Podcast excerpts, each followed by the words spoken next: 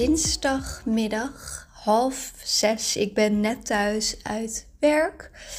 En ik zit de vaatwasser leeg te en opeens bedenk ik me iets.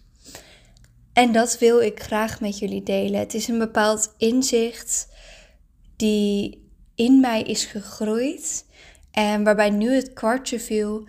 En waarbij ik hoop dat met dit bericht en met dat ik degene ben die duizend keer haar neus heeft gestoten, hoop ik dat, het, dat een ander dat misschien een keertje minder doet door dit bericht. Ik hoop in ieder geval dat het een zaadje plant. En dat is dat hoe jij denkt over dingen, hoe jij denkt over het leven, dat is niet opeens veranderd op het moment dat jouw situatie verandert. En wat bedoel ik er daarmee?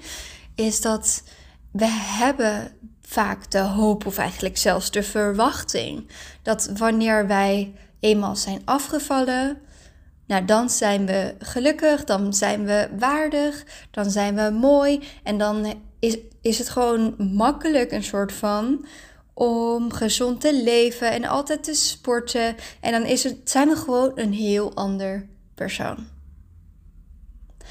En hetzelfde geldt voor andere vlakken als wij een baan hebben die heel goed betaald krijgt, dan zijn al onze overtuigingen over geld en over wat er met geld gebeurt in ons leven, hoe snel we er vanaf zijn, dat soort dingen, dat is dan voorbij. Want dan is mijn situatie anders. Dus dan, dan is alles gewoon anders, om het zo te zeggen. En wanneer ik een relatie heb, joh, dan ben ik ook helemaal niet meer bezig met angsten over liefde en me zorgen maken over de liefde en al die dingen. Ik heb slecht nieuws. Mijn ervaring is namelijk niet dat dit zo werkt. Mijn ervaring is dat wanneer jouw situatie verandert, dat je mindset en je overtuigingen niet per definitie veranderd zijn. Je kan inderdaad veel afgevallen zijn of je conditie hebben verbeterd, wat misschien totaal anders was dan een bepaalde tijd geleden. Maar het kan nog steeds zijn en de kans is zelfs groot op het moment dat je niet actief je mindset probeert te veranderen, dat jij nog steeds dezelfde dingen gelooft over jezelf, over je lichaam, dat je nog steeds bepaalde angsten hebt, dat eigenlijk jouw mentale situatie niet eens heel veel anders is dan toen je meer gewicht met je meedroeg. Het is namelijk enkel de situatie die is veranderd, maar niet jijzelf. Hetzelfde geldt dus voor dat financiële stuk. Op het moment dat jij dubbel zoveel gaat verdienen, dan heb je van tevoren waarschijnlijk de verwachting: oh, maar dan ga ik me opeens niets meer druk maken om geld. Nou, ik kan je vertellen dat mijn ervaring niet zo is. Want ik merk bij mezelf dat ondanks dat mijn financiële situatie anders is, dat dat is veranderd, dat ik nog steeds met dezelfde gedachten rondloop. En dit is natuurlijk als je het praktisch bekijkt, niet logisch. Maar eigenlijk is het hartstikke logisch, want bepaalde overtuigingen zijn nog steeds daar. Dus de bril die ik draag, de bril die jij draagt, waarmee jij het leven bekijkt, die is niet veranderd. Je gaat opeens risico's zien die er misschien helemaal niet zijn, maar die er wel in jouw ogen bestaan, want je bent het niet gewend om in deze situatie te zitten. Jouw mindset, hoe jij denkt over het leven, is nog steeds hetzelfde, ondanks dat je situatie is veranderd. Dus je zou 10.000 euro per maand kunnen verdienen, maar nog steeds een gevoel van tekort kunnen ervaren. Je kunt de liefde van je leven hebben gevonden, maar nog steeds elke dag bang zijn dat je alleen eindigt of dat die persoon vreemd zou gaan of wat dan ook. Je kan 10 kilo zijn afgevallen of juist 10 kilo zijn aangekomen maar nog steeds het gevoel hebben dat je niet mooi genoeg bent, Of dat het voor jou nu eenmaal heel erg lastig is om dat lichaam te behouden. En dat is waarom ik je graag wil meenemen als je mijn podcast luistert, maar ook als je mijn online programma koopt, als je mijn e-book koopt, als je mij jou laat coachen, is om te kijken naar die overtuigingen. Dit is waarom ik niet hou van gewoon simpelweg een voedingsschema maken en alsjeblieft succes. Omdat ik daar niet in geloof. Dat is in ieder geval niet de mensen die ik wil helpen. Ik wil je laten inzien dat het start bij je mindset. Dat het start bij het innerlijk werk, het start bij de gedachten die jij kunt kiezen. Het start bij de overtuigingen die jij kunt veranderen.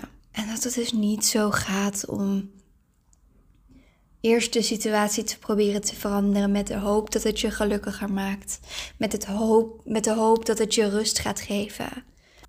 Want over het algemeen zijn er weinig externe dingen die opeens alles voor ons kunnen veranderen op de langere termijn. Op de korte termijn kan het. Maar op de langere termijn zul je blijven zien dat bepaalde overtuigingen terug zullen komen in andere vormen en kleuren en geuren. En dat is wat ik wil meegeven vandaag. En ik hoop nogmaals dat het een zaadje heeft geplant dat je meer naar binnen mag keren. Meer mag kijken wat er eigenlijk in dat mooie kopje van je gebeurt. In plaats van in de situatie om je heen of in de andere mensen of weet ik veel wat. De externe zaken waar je wel of geen invloed op hebt. En het mooie is op het moment dat je merkt dat je van binnen kunt veranderen. Dat je van, van binnen de situatie anders kan gaan zien. Is dat je een andere bril op kan gaan zetten. En daar zijn heel veel neurologische verklaringen voor, zoals het systeem um, reticulair activatiesysteem.